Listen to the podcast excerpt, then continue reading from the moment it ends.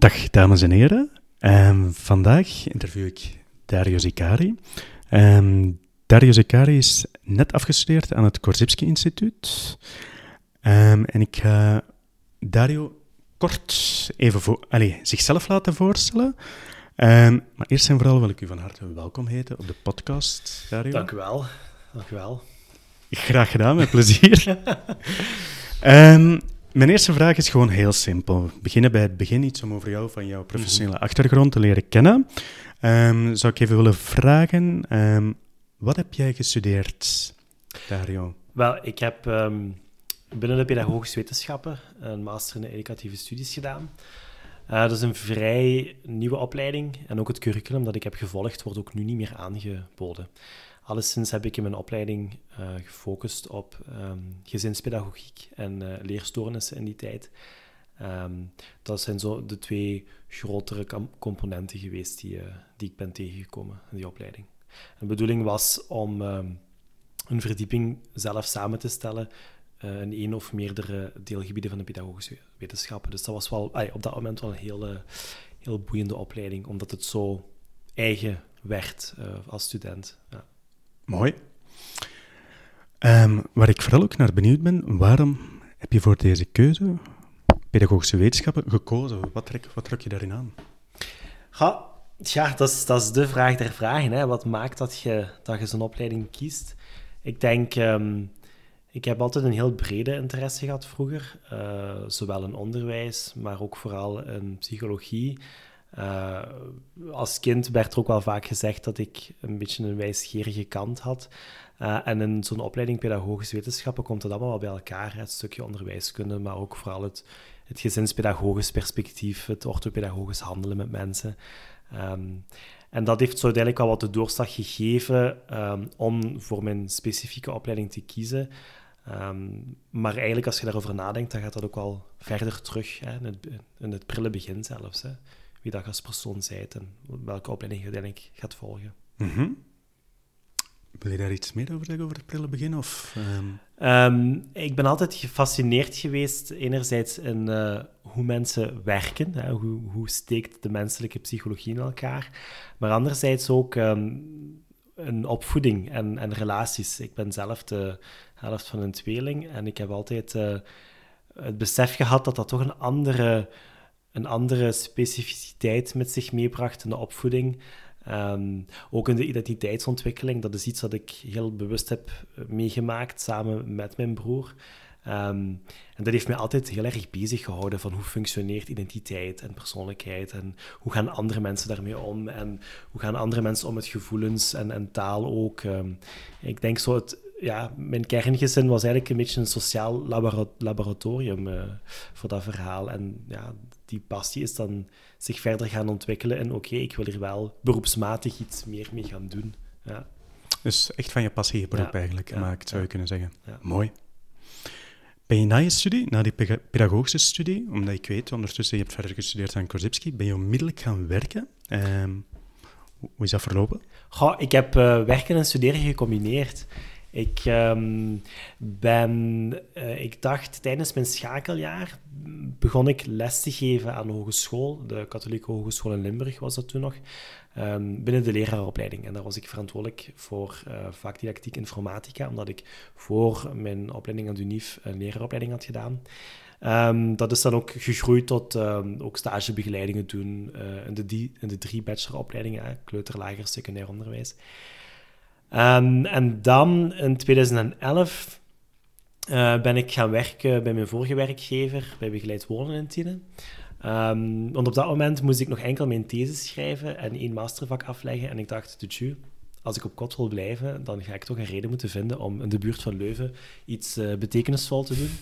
En dan ben ik gaan solliciteren en kwam ik in Tienen terecht. En daar ben ik dan um, gestart eerst als projectmedewerker binnen de Huiswerkbrug. Dat is een project binnen VZW Begeleid Wonen dat uh, instaat voor de begeleiding uh, van kansarme leerlingen. En concreet gaat die begeleiding over enerzijds het schoolondersteunend gedrag bij ouders vergroten en ook, en ook uh, verbreden. En anderzijds specifiek de ondersteuning van kinderen in het schoolgebeuren. En Mijn taak bestond toen uit het aanwerven van vrijwilligers en student-stagiairs, het eh, geven van opleiding en training en opvoedingsondersteunende interventies op de echt de nulde lijn, heel basale opvoedingsondersteunende interventies. En anderzijds mocht ik toch wel al wat proeven van wat meer klinisch werk, waarbij ik uh, een stukje gezinspedagogische diagnostiek deed ter voorbereiding van aanmeldingen bij het CLB of het CGG, CAW. Um, dus ik heb eigenlijk mijn opleiding altijd heel mooi kunnen combineren met uh, praktijkgericht werk. Ja. Um, je hebt al een antwoord gegeven op mijn volgende vraag. Um, waar ik vooral ook heel benieuwd naar ben, is hoe ben je dan eigenlijk bij oplossingsgerichte therapie eigenlijk hm. terechtgekomen op dat idee?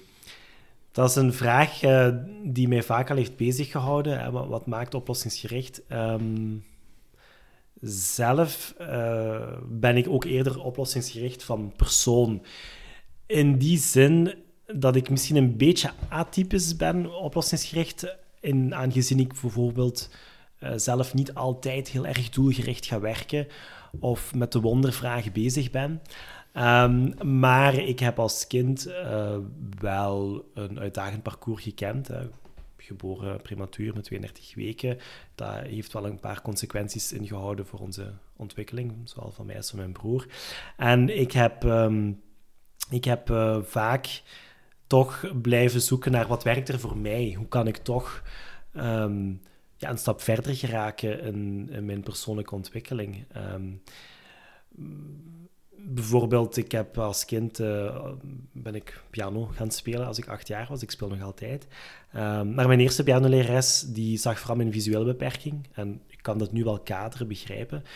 Um, maar ik had dan toch wel de wil van, goh, ik moet dat toch beter gaan kunnen dan dat zij dat uh, voorop stelde voor ogen heeft.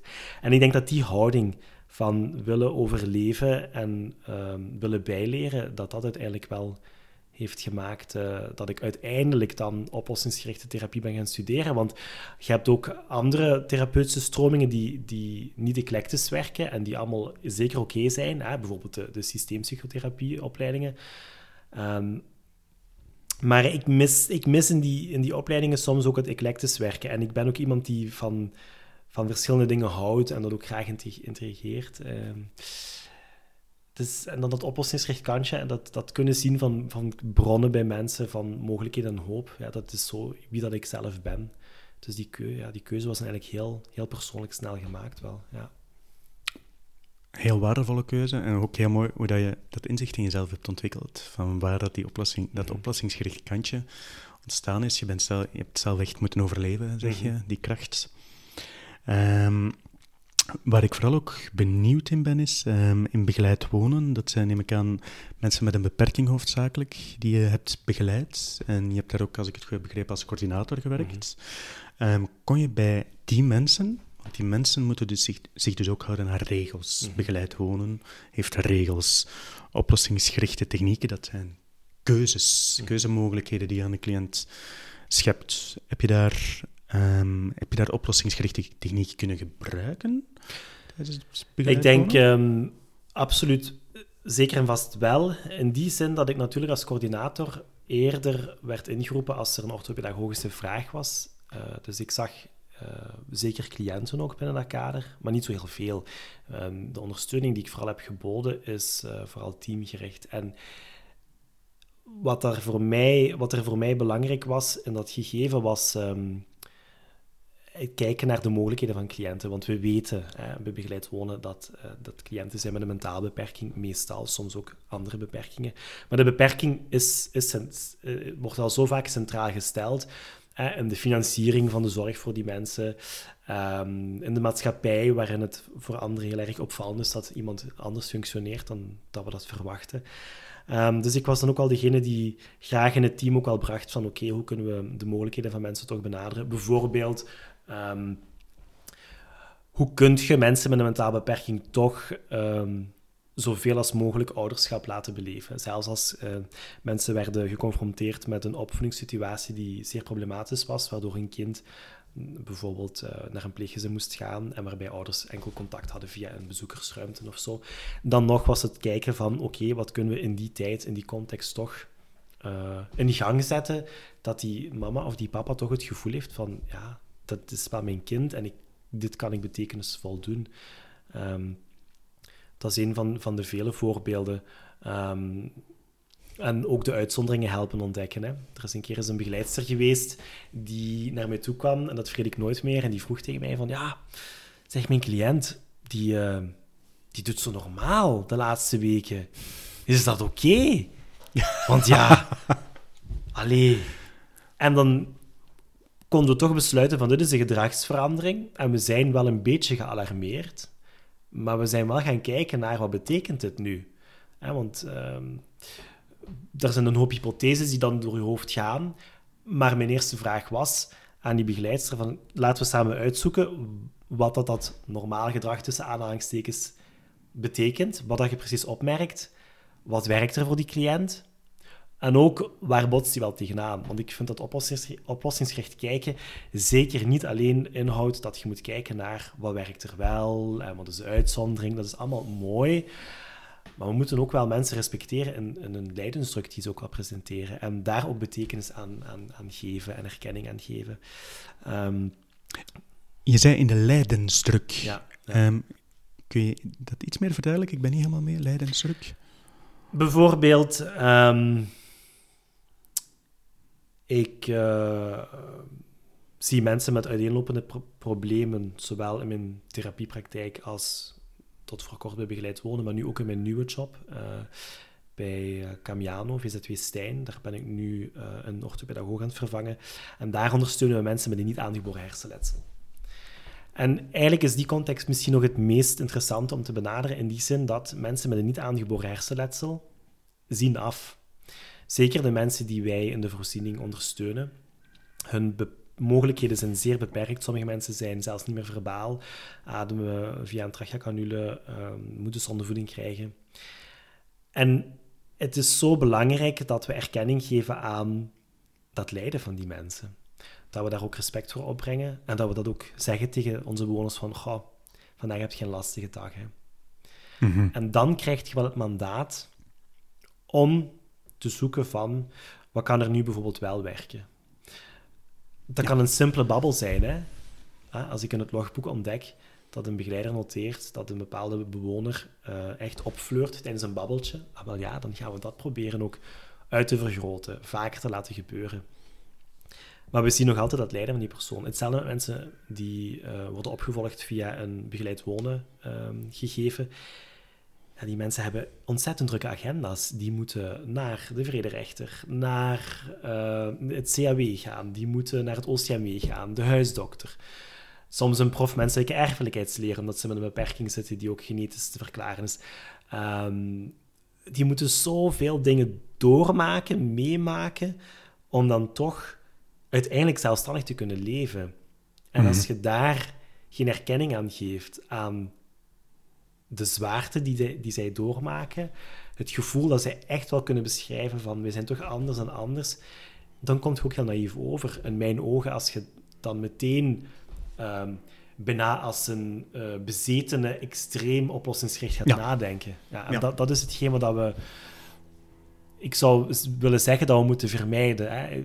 Maar oplossingsgericht vertaald zou ik zeggen, in de plaats van het heel extreem oplossingsgericht kijken, mag het een en-en-verhaal zijn. Hoe kunnen we het lijden van een, van een persoon zien? En hoe kunnen we uit dat lijden leren, uit dat overleven, hè, want waar er leed is, is er, ook, is er ook een overleven. Hoe kunnen we daaruit leren en daar elementen uit destilleren, teruggeven aan cliënten, zelf helpen ontdekken, die hen dan uiteindelijk toch weer uh, misschien helpen om een stapje vooruit te, te geraken, of een volgende stap vooruit te geraken vooral. Ja, interessant. Um, zelf heb ik in de opleiding, uh, we hebben niet in hetzelfde jaar gezeten, heel sterk dat steeltje wel meegekregen in de opleiding zelf, um, dat het een en-en-verhaal is. Dat um, de erkenning er absoluut moet zijn voor de cliënt en dat hij zijn babbeltje absoluut mag hebben. Mm -hmm. Bij ons is dat er een beetje ingestampt. Mirjam heeft daar heel veel nadruk op gelegd. Het komt zelfs in mijn vorige podcast met haar ook voor, dat en-en-verhaal. Mm -hmm. ja dat is ook iets dat bij mij uh, is blijven hangen. Want ehm, als je kijkt naar ehm, de soms heel eenzijdige en simplificering van het oplossingsgericht werken, ik ga daar heel eerlijk over zijn. Ik, ehm, ik krijg er grijs haar van. ik hou er niet van als oplossingsgericht werken wordt gesimplificeerd als een naïef uberpositief denken. Ja. En dat de wereld eh, prachtig is en dat er eenhoorns zijn en aan de regenboog altijd een klomp goud op ons ligt te wachten. Dat is niet oplossingsgericht werken. Dat Nope. is het niet. Nope. Eh, oplossingsgericht werken voor mij is effectief het NN-verhaal respecteren. Oog hebben voor dat lijden, maar dan niet vanuit een willen graven van waar komt dat vandaan en wie heeft wat getriggerd. Ehm, pas op, soms kom je bij bepaalde therapie, consultaties, dat cliënten toch eh, gaan naar een specifieke persoon in het verleden of een gebeurtenis en dat zij daar een bepaald verband in zien. Prima. Maar dan gaan we opnieuw kijken naar wat leert je eruit. Dat vind ik heel belangrijk. Ehm, ja, vind ik heel mooi trouwens dat je dat benadrukt, omdat ik inderdaad wel merk van mensen die iets minder kennen van oplossingsgerichte therapie, dat niet kennen, dat verhaal. Inderdaad, het is een en-en-verhaal. Volmondig mee akkoord. Ehm waar dat ik zelf, ehm, ik werk zelf als orthopedagoog, ehm, als in begeleid wonen, ik ga naar mensen naartoe. Ik merk dat het niet altijd eenvoudig is voor mensen met een lichtmetale beperking om te antwoorden op uitzonderingsvragen, wondervragen, schaalvragen en dat het vaak heel veel herhaling nodig heeft, vooral schaalvragen, ja, dat ze begrijpen hoe dat, dat werkt eigenlijk. Mhm, mhm. Ehm, heb je dat zelf ook gemerkt, dat het niet zo evident is om met mensen met een beperking echt oplossingsgericht, in, hey, als je het breder trekt, om daarmee te werken? Dat is zeker zoeken. Hè. Ja. absoluut, dat is, dat is absoluut zoeken. Eh, en ehm, heel, veel, heel veel hangt ook echt af, niet alleen van de individuele psychologie van die persoon, Ja. maar ook van het moment en de context. Hè. En het is ook ehm, oplossingsgericht leren luisteren. Bijvoorbeeld een cliënt die in C een heel goede eh, werkrelatie heeft met twee begeleiders, herinner ik mij, die dan ineens tegen mij zegt, ja, die moeien zich te veel. Die komen zich bemoeien en eh, ik moet er helemaal niet van weten. Ja, daar geeft die cliënt een uitzondering weg. Want dat is niet wat ik gewoonlijk hoor over die begeleiding. En dan kun je daar wel in exploreren van, ja, ze bemoeien zich, waar, gaat dat dan over? Ja, tjai, want je vertelt nu dit. Maar ja, weet je, twee maanden geleden zijn ze nog met u naar de winkel geweest om, om te gaan kijken voor, voor spulletjes voor uw puppy en zo. Hè? En dan hebben ze toch zelf mogen kiezen en zo. Ja, ja, dat, dat, is, wel waar. Hè? Maar nu moeien ze zich, hè? Nu moeien ze zich, ja. Snap je? Dus dat is heel... Het is heel eh, direct vaak dat ze dat brengen. En het is aan ons om dan ook ehm, helpen de rode draad te zien. Hè? Mooi. Er zijn zeker cliënten die eh, verbaal heel sterk staan en die effectief wel letterlijk kunnen antwoorden op de vraag van ja, maar wanneer is het anders? Hè, wanneer is het anders, vraag ik dan heel vaak aan, aan mensen. En dan kunnen, er zijn zeker een aantal mensen die dat heel goed kunnen beantwoorden. Maar soms ehm, is het vooral aan, aan een begeleider om ehm, de uitspraak van een cliënt te horen en het zelf ook te kaderen in een groter geheel, de uitzondering daar ook zelf in te ontdekken en die ook terug te geven aan de cliënt. En dan wordt dat ook iets werkbaar in het concrete. Schaalvragen ehm, hebben meestal weinig succes gekend eh, in de tussenkomsten als ik die had met cliënten. Ehm, maar heel vaak werkt het dan om te vragen van, ja, wanneer is het een beetje minder moeilijk? Of wanneer is het toch al iets gemakkelijker? Of wanneer is het heel moeilijk of heel gemakkelijk? Hè? De, de uiterste. En dan kun je wel tot nuancering komen. Ehm, dus ja, weet je, werken met getallen, ehm, nominale waarden voor mensen die, die een beperkt intellectueel vermogen hebben, dat is ook moeilijk. En ik ben dan ook van mening dat je dat wel zeker moet proberen. Ik vind dat je dat wel moet proberen, omdat je mensen ook iets, iets bijbrengt op die manier, of iets laat kennen dat ze misschien nog niet kenden. Maar als je merkt dat dat niet werkt, ja, dan, dan zoek je naar iets anders dat wel wel werkt. Hè. Absoluut, ja. Ik, hey, zelf merk ik dat eh, visualisatie eh, bij mensen met schaalvragen ehm, vrij goed werkt. En in plaats van dan eh, cijfer en nominale waarden eraan te plakken, kan ik dan met een zonnetje en een regenwolkje en met een gewoon wolkje en met een onweer werken qua gevoelsschaal bijvoorbeeld. Dat hangt ook van, van uw cliënt af. Hè. Er zijn sommige ja. mensen die dat Zeer kinderachtig. kinderachtig vinden. vinden, maar er zijn mensen die dat zeker heel helpend vinden. En ook mensen die, waarvan je zou denken van eigenlijk zijn die verbaal wel vrij sterk, maar in een, in een moment van een crisis, dat ze toch zoiets hebben van, goh, dat, dat brengt even zo wat licht in de duisternis. Zo, hè? Want het is, het is zo'n chaos in mijn hoofd en inderdaad, het is, dat is een donderwolk die ik nu voel op dit moment. Ah ja, dat kan ik er al mee vergelijken. Ja. Ehm, psychotherapie of ook begeleiding, maar natuurlijk, als je in een contextbegeleid wonen werkt, ja, wat is therapie, wat is counseling, begeleiding, maar het komt erop neer dat het een, een handelingsgerichte activiteit is. Hè. We gaan aan de slag met mensen, niet voor mensen. We gaan niet aan de slag voor mensen, we gaan aan de slag samen met mensen. Dus we interageren met mensen en aldoende leert je hen kennen, maar leert je ook jezelf kennen en relatie tot die persoon. Ehm, Mooi. Ja. ja. Ehm, de, de gedachte daarachter is het vooral om de cliënt eigenlijk autonomer dan te maken, dat je met mensen aan de slag gaat en niet voor mensen en ze ook niet alleen, maar samen mhm. op het pad eigenlijk helpen. Is dat de gedachte daarachter? Ja, de bedoeling vind ik, of je nu in een dienstbegeleid wonen werkt, of je werkt met mensen met een NAH, of als psychotherapeut in een praktijk, eh, wat dan ook. Het, het, de, de dans van afstand en nabijheid vind ik een heel belangrijke. Soms toch wat meer nabij komen en de zorg voelen die je wilt geven. En dan afchecken met de cliënt van tot, tot waar gaan we, tot waar is het genoeg voor u, waar, waar, wilt, jij, waar wilt je uitkomen. Uh, en bij sommige mensen is dat een heel discreet gebeuren, waarin dat je vooral aan de zijlijn blijft staan. Maar natuurlijk, als jij in een, in een uh, hulpverlenende context werkt, uh, waarin dat je begeleidt, gaat je ook letterlijk mee naar bepaalde activiteiten met je cliënt. En dan is het een beetje zoeken van, ja, hoe kan ik naast die cliënt staan? En eigenlijk vooral niet volledig naast die cliënt, maar zo een beetje erachter. En dat je af en toe wel een tekstje geeft van probeer eens hier naar te kijken. Hm? Ehm, en dan ook weer als je merkt van oké, die, die persoon is, op dreef, is, weer op dreef. Ehm, oké, goed, ik zet een stap achteruit en ik bekijk het verder. Ik ben present en uh, die persoon kan mij bereiken waar en wanneer nodig. Natuurlijk binnen geldende afspraken. Um, dat vind ik vooral belangrijk. Zo die, de dans van afstand en nabijheid. Ja. Heel mooi. Ja, vind ik zelf ook persoonlijk in mijn werk een hele belangrijke.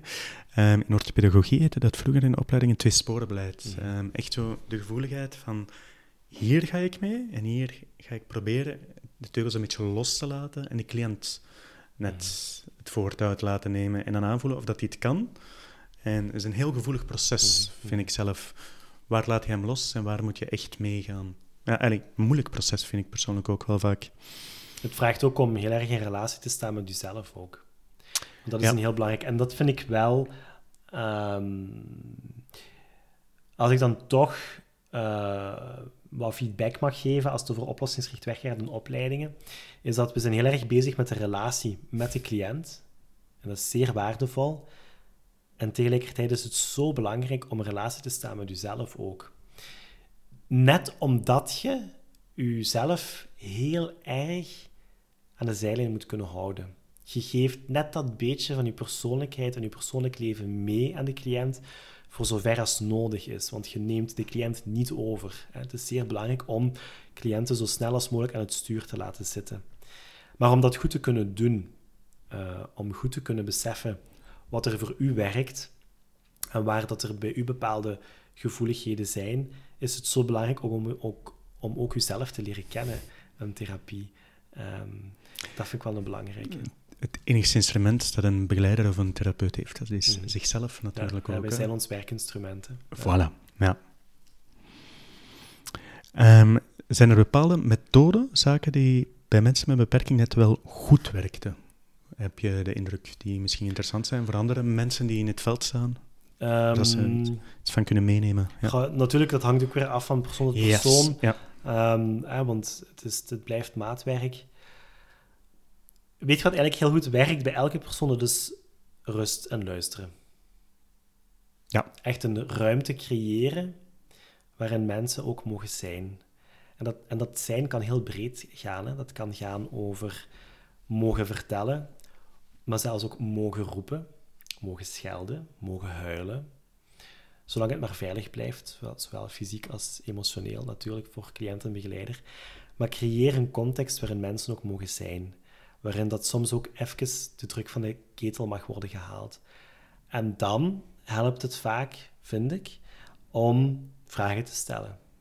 Elke persoon die je ontmoet, uh, of dat nu gaat met een persoon met een beperking of, of weet ik veel welk ander verhaal of toestandsbeeld, ik probeer mensen te benaderen alsof het mensen zijn uit een ander land. Met een andere cultuur, andere zienswijze, een andere religie. Ehm, en dat lijkt eigenlijk altijd te werken. En vragen stellen kan heel breed gaan natuurlijk. Hè. Bij mensen die heel erg verbaal zijn, kan dat gaan over het toepassen van een Socratische dialoog, hè, die ook echt houden van die vraagstelling. Mhm. Mensen die zelf ook heel gemakkelijk vertellen. Maar je hebt ook mensen die helemaal niet zo makkelijk kunnen vertellen, die ook gewoon de verbale mogelijkheden niet hebben om, om echt een verhaal te kunnen vertellen. Ja, dan helpt het om samen een wandeling te maken of de rolstoel vooruit te duwen en te kijken naar iets en even te wijzen. En dan heb je dat ook gezien? Nou, ik heb dat ook gezien.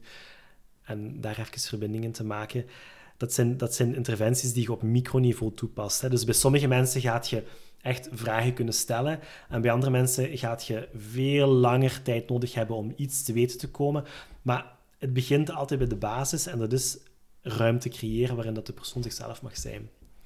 En dan Mhm. is het, eh, is het aan u, hè, aan, uw, aan uw creativiteit en aan uw relationele vaardigheden die maken dat jij contact kunt maken met een persoon. Hè. Misschien is het interessant eh, voor de luisteraars. Ik denk niet dat iedereen vertrouwd is met de term Socratische dialoog. Letterlijk, ehm, ja, heel veel een vraag stellen. Alles een vraag stellen. Ehm, als een cliënt een antwoord geeft, daarop inpikken. Hè, ehm, daarop verder doorvragen. De wijsheid uit een persoon halen. Want mensen zijn effectief expert van een probleem. Dat is een, een, ehm, een, eh, een premisse die mij altijd is bijgebleven en die, ook echt, die voor mij ook effectief klopt. Mensen kennen hun probleem door en door goed. Zowel in wat dat zij beleven, en wat dat zij zien, en wat dat zij aanvoelen. Eh, daar zijn zij heer en meester in. Eh, en tegelijkertijd, als mensen expert zijn van een probleem, zijn zij ook expert van al hun kwakkels om het op te proberen lossen. En het zijn die eh, kwakkels die we moeten destilleren, want het- al die probeersels, al die pogingen om uit dat probleem te geraken, zijn zeer waardevol.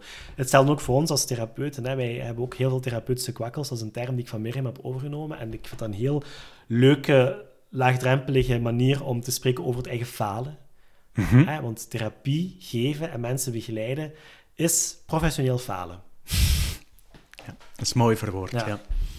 Professioneel falen, en wat is het verschil tussen erbarmelijk falen en professioneel falen? Is dat we in de professie nog de kans hebben ehm, om te destilleren van oké, hoe gaan we het anders doen? Want er zijn jammer genoeg ook momenten in het leven waarin dat je best niet faalt. Hè? Dat is niet helemaal zo. Maar ehm, als je met mensen werkt, dan, dan in ons beroep mocht je fouten maken, maar je mocht je vooral ook focussen op hoe herpak ik mij. En dat maakt ook een model naar de cliënt toe. Hè. Ehm, dus ja, nu zijn we van de Socratische dialoog gegaan naar ja, therapeutische het, ja. kwakkels. Ehm, het komt erop neer, mensen bevragen. Niet denken dat jij het allemaal weet. Mhm. Dat is moeilijk hoor. Je hebt dat opvallend helder verwoord, vond ik. Dat is fijn, ja. Gebruik je vaak visualisatietechnieken eigenlijk om mensen allee, met een beperking te helpen? Daar denk ik vooral in de eerste plek aan niet met NAH, waar dat je Mhm. nu werkt, maar toen in begeleid wonen. Ehm ja, wat is vaak, hè? Ehm, Ja. Ik herinner mij een concrete casus van een, eh, een eh, dame die ehm, de permanentie belde en door de telefoon riep: Ja, ik, ik heb het weer en hij is terug. En, oh, dat-" en de begeleidster was een beetje ten einde raad en, en riep mij vanuit het bureau: van, Kunt je eens komen, want eh, dat loopt hier mis. En ik heb dan ehm, die cliënt dan eh, bevraagd van, ah, waar zijt je nu? En wat ziet je nu voor? Dus ik ben heel concreet gaan waarnemen met haar. Dus visualisatie in, in het stuk van de, de aandacht focus op de waarneming in het hier en nu om de paniekreactie eh, te, te helpen uitdoven. Dus dat is een van, manier van visualiseren, maar dan het concrete. Als je gaat naar visualiseren een functie van bijvoorbeeld het zoeken naar een veilige plek bijvoorbeeld, of het herbeleven van, van plezante gebeurtenissen. Ehm, ja, ik heb dat ongetwijfeld gedaan, hè, want eh, ik, ik ben aan het zoeken naar een voorbeeld, eh, want heel vaak doet je zo'n dingen, hij is dat zo geïntegreerd in, in, uw, in uw vraagstelling, in uw handelen. Mhm. Ehm, er is bijvoorbeeld ook een, een persoon geweest die eh, heel graag eh, sprak over olifanten. En als hij het moeilijk had, dan gingen we een uitstapje maken uh, in onze verbeelding naar de zoo. En dan gingen ging we op bezoek naar haar lievelingsolifant. En dan stelde ik vragen als, ga die olifant... Allee, dan zei ik, ja, ik weet dat is geen mens en die kan niet praten. Dat weet jij, dat weet ik ook. Maar stel, eh, die zou je toch een goede raad willen geven, die een olifant. Wat zou ze zeggen tegen u? En dan was die, was die cliënt er weg mee, want dat was, was fantastisch. Ehm, maar ik moet wel zeggen dat ik heel veel dingen heb geïntegreerd. En ik, ik weet van mezelf dat ik heel vaak, als mensen iets vertellen, los van allee, welke persoon ik voor mij zie, dat ik heel vaak doorvraag op van wat, ziet je daar, wat, wat, voelt je daar en welke kleuren ziet je op dat moment. En ja, zijn dat, zijn dat eerder ruwe dingen die er zijn of zachte dingen. Dus dat zijn ook van die hele kleine interventies die ik bij eigenlijk eender welke ehm, persoon toepas die ik voor me heb, met de uitzondering uiteraard van iemand die uh, in de realiteitszin verstoord is. Mm Mensen die psychotisch zijn, mhm. gaan we niet meteen ehm, triggeren. Ah, want ze hebben al een groot talent om te visualiseren op dat moment en om te beleven, dus we gaan, we gaan dan andere dingen doen. Hè? Ja, omdat dat, begrijp ik het goed, de psychose kan versterken mm. dan het waarschijnlijk... Dat is toch wel de bezorgdheid dan, hè? Ja. ja. ja. Uh, maar ik zeg ook heel bewust van, zij hebben dat talent al. Want het is belangrijk om, om het zo te zien voor mezelf, want anders, psychose is al zo uh, beangstigend voor mensen. En als het dan ook nog eens beangstigend wordt voor ons als therapeut, ja, dan, ja, dan zijn we samen bang. Hè? En dan, dan gaat het bootje zinken, denk ik. Ja, absoluut. Ja. ja. Um, als ik het goed begrijp, werk je nu ook als zelfstandige. Ik vermoed zelfstandige in bijberoep. Ja. ja. Um, ik wil het eigenlijk heel graag nu hebben over het stukje, um, een van jouw specialisaties, autisme. het is een algemene vraag, maar weet, misschien kun je er wel een antwoord op geven. Waar ligt de uitdaging voor jou als je werkt met mensen met autisme? Elke persoon is anders, maar... De uitdaging voor mij specifiek mm vloeit ook voort vanuit mijn primaire rationele insteek in therapie. Ik ben ook iemand die heel veel voelt, maar ik denk ook heel graag na. En wat ik ongelooflijk boeiend vind, is de manier waarop mensen met ASS naar de wereld kijken. Het is een beetje zoals het, het kraken van de Da Vinci-code. Dat, is, dat denken is zo individueel gestuurd, maar gekleurd met observaties um, en indrukken die ze hebben opgedaan vanuit hun omgeving. En het boeit mij keer op keer om te ontdekken van hoe kijkt die individuele persoon naar dat stukje van zijn of haar verhaal. Dat vind ik persoonlijk de meest grote, maar ook de meest dankbare uitdaging in het werken met mensen met ASS. Om door net um, geïnteresseerd te zijn in hun manier van denken en voelen en beleven van de wereld, toont je ook het grootste respect, um, vind ik persoonlijk. Um, ik heb toch nog niet de feedback gekregen dat dat voor die mensen zo niet is. ik hoop uh, dat ik niet intrusief ben, maar ik, um, dat, dat, interesseert me vooral het meest en dat vind ik ook de grootste en de mooiste uitdaging erin. Ja. Knap, ja. Want het is een hele intellectuele uitdaging om in elke leefwereld van iemand met autisme binnen te geraken, vind ik zelf persoonlijk. Um, autisme heeft een heel sterk effect op de communicatie. Mensen met autisme communiceren vaak anders. Mhm. Ehm, er is zo'n typische indeling gemaakt in vier manieren van afwijkende contacten. Ik kan ze even benoemen. Uh, je hebt het afzijdige type, je hebt het passief of meegaande type, het actief maar bizar type, noem het, en het stijf formalistische type. Um, ik lees hier, zou je van elk type een voorbeeld kunnen geven vanuit praktijkervaring, maar ik ga mijn vraag misschien anders stellen. Gebruik je die types soms bewust of let je daar totaal niet op eigenlijk als je met iemand met autisme voor jou zit? Ik ga mijn vraag, ik ga ze mhm. iets uitbreiden. Oh, ik ga er een persoonlijk voorbeeld aan geven. Ik kan van elk soort type zelf, ik, ik herken het. Um, ah ja, dat is een persoon en dat is een afzijdig type. Of ja, die gaat heel sterk mee met mij, of die is heel bizar, maar een beetje vreemd. Of die is net heel stijf. Ik vind het opvallend hoe, hoe er een vier-indeling wordt gemaakt ehm, en het ook herkenbaar wel is. Um, Voor mij persoonlijk. Ehm, ik ben daar niet meer mee bezig. Vroeger wel. Ja. vanuit mijn basisopleiding waarin diagnostiek een belangrijke rol speelde, kwam dat meer tot uiting. Um, wil wel niet zeggen dat ik die kennis aan de kant schuif. In die zin dat als ik uh, een overleg ga met, met een team begeleiders bijvoorbeeld, dan zou het wel eens kunnen dat ik die uh, indeling zou presenteren ja. als prototypisch voorbeeld. Um, diagnose en uh, beschrijvingen van psychologische en psychiatrische fenomenen zijn maar nuttig als zij ook als een prototype ook behandeld mogen zijn en blijven. Ja. Zij helpen ons om iets te structureren, om een beetje nog vast te creëren in, in een veelheid van observaties die we doen. In de benadering specifiek van een patiënt met bijvoorbeeld een actief maar bizarre voorkomen hè, in, de, in interactie, ga ik eigenlijk die, die, die typologie eigenlijk niet uh, bewust hanteren, omdat we toch ook vooral oog blijven hebben voor die individuele psychologie en de individuele handleiding van, van die persoon met ASS. Ehm, dus eigenlijk gaat het mijn benadering niet uh, aanpassen of veranderen, maar het helpt wel om soms dat stukje kennis, die indeling, om die binnen te brengen in een bespreking. Om iets te structureren, of ja. juist om, om net erkenning te geven voor dat specifieke van een, van een persoon. Ja. Zelf zie ik vooral in de praktijk mensen die um, ofwel heel actief maar bizar overkomen, ofwel um, zich eerder wat afwijzend, af, afwezig tonen in sociale interactie. Um, of ook wel mensen die. Um, ben ik even kwijt wat ik wou zeggen. Uh, mensen die heel stilistisch overkomen, hè, zo die kleine professoren. Mm -hmm. dat zijn de drie types die ik het vaakst tegenkom. Ja. ja. ja.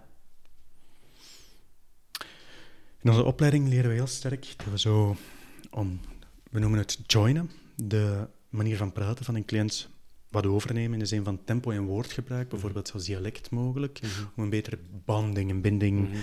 met die cliënt gebruiken. Merk je zelf ook dat je dat toepast met mensen met autisme? Ja, met alle mensen die ik tegenkom. Hm. En dat kan soms ook gaan over heel ja, soms kom je mensen tegen die heel vaak schunnig woordgebruik, taal, een schunnig taalgebruik hanteren. Als dat nu eenmaal een manier is om te communiceren, ga ik daar ook niet constant mee inzetten, maar af en toe ga ik het wel wat mee gebruiken. Dus ik ben er eigenlijk heel, heel ruim mee bezig. Mensen met autisme hebben hun, hebben hun specifieke interesses en leggen bepaalde en specifieke klemtonen in hun taal of ook in een, in een interesseveld ook. En ik probeer daar uh, gevoelig voor te zijn en zo dat net, net voldoende mee over te nemen als ik ook merk van kijk, dit zorgt wel dat ik, dat ik een deurtje op een kier krijg, dat we echt contact kunnen hebben met elkaar. Ja. Um, dat gebeurt zeker bijvoorbeeld... Um, ik vind het fantastisch. Een van, van de mensen die ik zie, die spreekt zelf over um, monstertjes in zijn of haar hoofd. Um, om dan toch maar anoniem te blijven, zoveel als mogelijk. Um, ik vind het fantastisch, want dat is heel erg act-georiënteerd en heel erg visueel verbeeldend, maar daar is, daar is die persoon zelf mee gekomen. Act-georiënteerde acceptance en ja, commitment? Ja, ja. ja, dus echt zo uh, dingen meer um, visualiseren en, en objectiveren ook, waardoor dat ze wat meer tastbaar kunnen zijn. Dat, dus ja, dat gebruiken we in de oplossingsgerichte therapie ook eigenlijk ook heel vaak. Maar dus die, die persoon spreekt daar ook spontaan over en dan gaan we dat hanteren, hè. Ja. Dan gaan we dat zeker hanteren. Die spreekt ook vaak over, ik zit in een bepaalde cirkel en ik wil uit die cirkel geraken.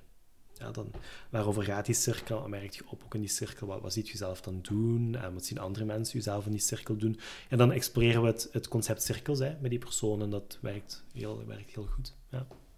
ja. Um, er is vaak een misvatting, en ik merk zelf ook dat ik daar soms wel eens in trap.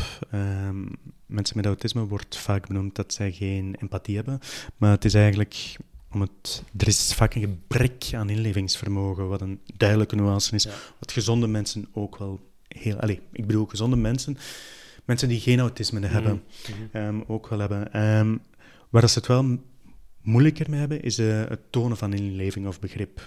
Um, merk je zelf soms aan hun reacties dat zij toch inleving toonden? Absoluut, ik ben het er absoluut uh, niet mee eens dat uh, mensen met uh, autisme over weinig tot geen inlevingsvermogen beschikken. Ehm, het zijn echt sponsen voor emoties, voor indrukken, voor sferen.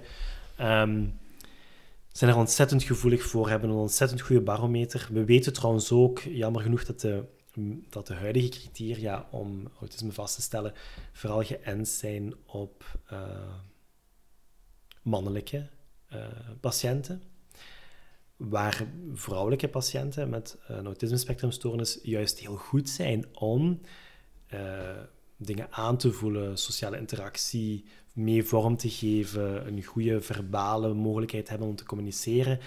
Um, dus die sociale vaardigheden zijn er heel sterk zichtbaar. Um, tegelijkertijd maskeren zij ook een aantal uh, moeilijkheden erin, maar dat, dat komt vaak zo niet tot uiting. Hè. Vaak missen we in de diagnostiek meisjes met autisme. Dat is een groot probleem. Net omdat dat misverstand van een beperkt inlevingsvermogen zo centraal staat. Want ook bij de mannelijke mensen met autisme zien we juist wel dat die heel erg reageren op emoties. En dat sommigen kunnen dat zeker ook onder woorden brengen. Is, vaak ook, is dan ook vaak een heel intellectueel proces waarin het ze hebben geleerd om ja, de code van neurotypische mensen te kraken en, en hun interpretatie daarop terug te geven. Maar we zien ook mensen die verbaal minder sterk zijn, maar die met hun lichaam echt wel aangeven dat ze gespannen zijn, die ook hè, meer stress of, of paniek rapporteren. Ehm, en dan komt je er soms op uit hè, dat de partnerrelatie moeilijk loopt of dat het op het werk moeilijk loopt. Maar dat zij zelf de link niet zo goed kunnen leggen tussen een moeilijke gebeurtenis en de zaken die zij opvangen. Dat mhm. heeft te maken met um, dat complex proces uh, of dat complex mechanisme van interoceptieve vaardigheden, waarin mensen uh, in staat zijn om prikkels die vanuit het lichaam, die van binnenin komen, om die te coderen, om te kunnen snappen van wat voel ik nu intern. En daar loopt het vaak wel mis bij mensen met autisme, is dat zij heel veel dingen voelen, maar ergens um, niet de brug kunnen maken naar ik kan nu aan mijn omgeving teruggeven wat ik voel. Ik ga dat kunnen terugcommuniceren of kunnen uitleggen. Ja. Het, ja, het geeft mij een, vernieuwd, laat mij zeggen, perspectief. Um, omdat ik het zelf niet zo heb aangevoeld. Het, is, um, het verruimt mijn eigen denken, um, omdat ik het iets anders aanvoel. Maar ik neem dat mee, ik ga daarover je, nadenken. Je ziet in de, in de interacties soms effectief, inderdaad, dat mensen met ASS dan wat dat wordt geschreven in de literatuur onaangepast of met weinig afstemming reageren. Maar het is daar dat dat er naar betekenis en functie gezocht moet worden. Ehm, wat, hoe helpt het die persoon om zo atypisch te, reageren? Ehm, en dat is een zoektocht en dat, dat kun je niet zomaar op één gesprek doen. Hè? En vaak zijn er wat observatieopdrachten voor nodig vanuit de persoon zelf. Als dat mensen dat kunnen, zeker helpen om dat, ook om dat mee vorm te geven. Sorry. Uh, maar ook om... Ehm, de persoon en omgeving ehm, sensitief te maken voor het leren observeren van persoon stelde een bepaald gedrag. Maar wat, maar wat, betekent dat? Wat gebeurt er in die context? Ehm, ik, ik hoop dat ik het juist begrijp. Als ik, als ik het goed begrijp, noem je het dus... Het is geen gebrek aan inlevingsvermogen, maar het is een, een tekort aan know-how hoe op te mhm. reageren, omdat zij dus een, niet goed weten mhm. wat zij juist ervaren en daardoor ook niet mhm. gepast soms reageren. Oké, ja, ja. Heel want ook um, een van de oeroude hypothesen is ook dat mensen met autisme een gebrek vertonen in de centrale coherentie. Ja. Maar onderzoek toont dat mensen met autisme um, net wel een veelheid van informatie opvangen. Zij zien het geheel. Maar om inderdaad uh, met voldoende verband terug te reageren op dat geheel en om dat proces te automatiseren, dat lijkt een moeilijke te, zien, uh, te zijn. Maar het geheel zien en detecteren uh, is wel mogelijk. Met hulp of zelfstandig ook, bedoel je? Ja, dat is de vraag. Hè? Mhm. Wat maakt, ik denk dat daar ook weer het, uh, het verhaal van diegene en omgeving speelt. Je hebt natuurlijk ook wel, uh, wat dat ik heel vaak zie, ik heb zo het, het voorrecht, ik noem dat echt het voorrecht. Ik heb het voorrecht gehad om mensen um, in een beginnende puberteit uh, op te volgen met ASS en die nu um, die gaan nu naar Dunief, die gaan verder studeren. Ik heb er zo'n paar in de praktijk en dan zie je ook echt heel mooi die neurologische rijping. En mensen die toch, ehm, ja, omdat hun individuele neurologie rijpt, net wel uh, verbaler worden, net wel het grotere geheel kunnen zien. Maar er is ook natuurlijk wel wat, wat training aan vooraf gegaan, uh, vooral vanuit de ouders. Therapie is maar, echt maar een fractie van het verhaal. Mm Is het echt een supporter in dat gegeven? Uh, het zijn vooral de ouders en de, de nabije omgeving die echt uw werkinstrument zijn om mensen met autisme daarin te ondersteunen, om het, om het geheel met meer afstemming te kunnen benaderen. Maar mispak u niet, zij zijn neurologisch gezien, lijken zij toch wel meer in staat te zijn om, om het geheel te zien. Ja, want het zijn vrij recente bevindingen die ik ook onlangs ben tegengekomen en daar wordt nog heel veel onderzoek naar gedaan. Maar dat maakt dus dat het belangrijk is dat we daar ook rekening mee houden. Dat zij toch wel sneller of wel vaker bepaalde verbanden zien waarvan wij denken van ja, dat heeft ze niet door of dat, dat gaat hij niet, niet hebben gezien. Moeten we voorzichtig mee zijn. Ja. Dat is heel waardevolle informatie en ik ben vooral ook benieuwd. Um, je mag mij altijd persoonlijk eens die link doorsturen waar die onderzoeken staan, omdat ik, ik heb andere dingen geleerd. Mm uh, het helpt mij ook, want als ik op een bepaalde manier blijf kijken, ga ik ook mijn gedrag niet aanpassen en ga ik het ook niet zien waarschijnlijk zelf. Um, dat zij dus wel in staat zijn mogelijk. Ik heb een, uh, een, uh, ik heb een reeks van voorbeelden van mensen met ASS die er zeer goed in slagen om hun eigen klachten te zien. Te zien welke impact die klachten hebben op zichzelf. Te zien welke impact de klachten hebben op anderen. En daar zijn ze nog het meest gevoelig voor. Uh, dat zijn um, consultaties, zelfs als ik er nu aan denk, die mij echt, echt kunnen raken. Op het moment dat iemand met ASS zo inlevend beschrijft wat dat hij heeft gezien, wat dat zijn of haar moeilijkheden doen in een gezin. Um, en dan vind ik het altijd zo jammer dat er vooral wordt gefocust op het gebrek aan inlevingsvermogen. Nogmaals, dat inlevingsvermogen is er. Ik focus me nu op de mensen met een normale intelligentie. Ja. Ja. Um, daar heb ik ook het meeste ervaring mee. Maar om inderdaad afgestemd daar iets op terug te kunnen geven de omgeving, dat is een, dat is een moeilijke. Dat is voor sommige mensen moeilijk. Maar daarom niet onmogelijk. Ja. Um, het is mij twee keer zelf persoonlijk, ik wil heel even iets persoonlijks zeggen, in mijn zevenjarig begeleidingsproces van mensen met, onder andere met autisme, um, met en zonder lichte um, mentale beperking, is het mij twee keer ook echt opgevallen wat een schat aan, aan zelfkennis zij inderdaad beschikken. Voor mij is het uitzondering, um, maar het is wel hoopvol mm -hmm. dat die mensen er zijn. Ik heb het heel vaak omgekeerd wel ook ervaren. Um, waar ik zelf aan dacht is, uh, we werken heel vaak met een wondervraag om aan doelstellingen te werken. Um, misschien door mijn vragen te stellen was ik aan het denken. Um, het is eigenlijk, waarom heb ik daar nooit eerder aan gedacht? Dat eigenlijk visualisatie uh, voor hen ook wel heel goed werkt. Um, om de wondervraag aan de hand van een tekening voor te stellen. Wat denk jij daar persoonlijk van? Zou dat maar kunnen ook werken? daar, hè, opnieuw geef ik het antwoord van, van het hangt ja. heel erg af van, ja. Van de persoon en de relatie die je met die persoon hebt en, en, en de interesses die er zijn. Ja. Um, maar de wondervraag, dat is zo'n vraag die ik... Ik stel de wondervraag sowieso zeer, zeer zelden. Zeer zelden. Um, om de simpele reden dat ik uh, niet geloof in wonders. Ik geloof er niet in. Ik ben er wel absoluut van overtuigd dat mensen in staat zijn om vanuit hun overlevingsstrategieën om heel uh, belangrijke dingen voor zichzelf en anderen te doen. Dingen waarvan dat zij nooit hadden gedacht dat het mogelijk zou zijn. Um, dus in die optiek ben ik dan wel een fan van het mirakel en het wonder.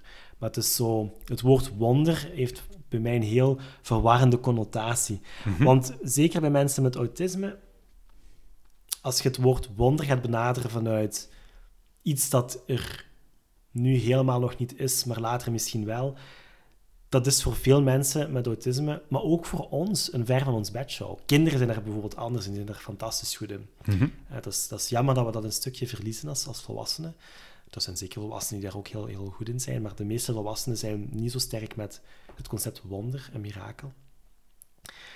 Ehm, maar wat ik doe als ik wil polsen naar een mirakel, dan ga ik eigenlijk zo stiekem op zoek naar welke uitzonderingen brengt een persoon met autisme hier binnen. Uh, wanneer gaat het net iets beter? En, en wat is dan zo belangrijk in die uitzondering voor die persoon? En daar vraag ik dan op door. Van, ehm, heel simpel, van stel, uh, jij vertelt me nu dat het bijvoorbeeld is mogelijk is geweest om wel met uw ma aan tafel te zitten en gewoon rustig te praten. wat was er daar aanwezig dat u toen heeft geholpen hè, om te zeggen, allee, ma is minder een zaag dan anders. Hè, met humor altijd blijven werken. En als ze spreken over een zagende moeder, ja, dan probeer ik dat wel over te nemen. Ik vind bij, bij gevolg niet alle mama's hè, zeurende mensen, voor alle duidelijkheid. en dan ga ik wel kijken van, oké, goed, hè, dat was er aanwezig voor u. Bijvoorbeeld, ja, de andere mensen waren eens niet thuis, het was eens rustig. Ja, wat zou er gebeuren? Wat zou er gebeuren als je zo zou weten van ah, om de zoveel tijd heb je dat momentje alleen met maat thuis en zijn de anderen weg? Wat zou er dan voor u anders zijn? Hoe zou je dat aan jezelf merken? Hoe zou je dat voelen in je lichaam? Wat zou er in je gedachten gebeuren als je dat tegen zou komen? Dat er zo om zoveel tijd dat momentje zou zijn van um, ben eens alleen met mama aan tafel. En trouwens, ik uh, worstel nog heel erg met het woord zou. Ik probeer meer het woord zal te gebruiken. Dat doe ik wel. Uh, wat zal er dan anders zijn? Uh, ik merk alleszins als je dicht bij de, de specifieke situatie van een persoon met autisme blijft en je vraagt daarop door en je gaat dan een toekomstprojectie maken in de tijd, dat lijkt heel goed te werken. In mijn ervaring. Dat werkt goed. Ja, dat werkt heel goed. Dat is een mooie nuance ja. dat je vertelt. Van zo naar zal. Die neem ik zeker mee. Um, ik kijk even op de klok. We zijn 52 minuten reeds ver. Ik stel voor om een korte pauze te nemen. En dat we er gewoon, als er nog voldoende energie over zit, een iets korter deel 2 maken. Zelfs. Prima. Super. Absoluut. Bij deze pauze.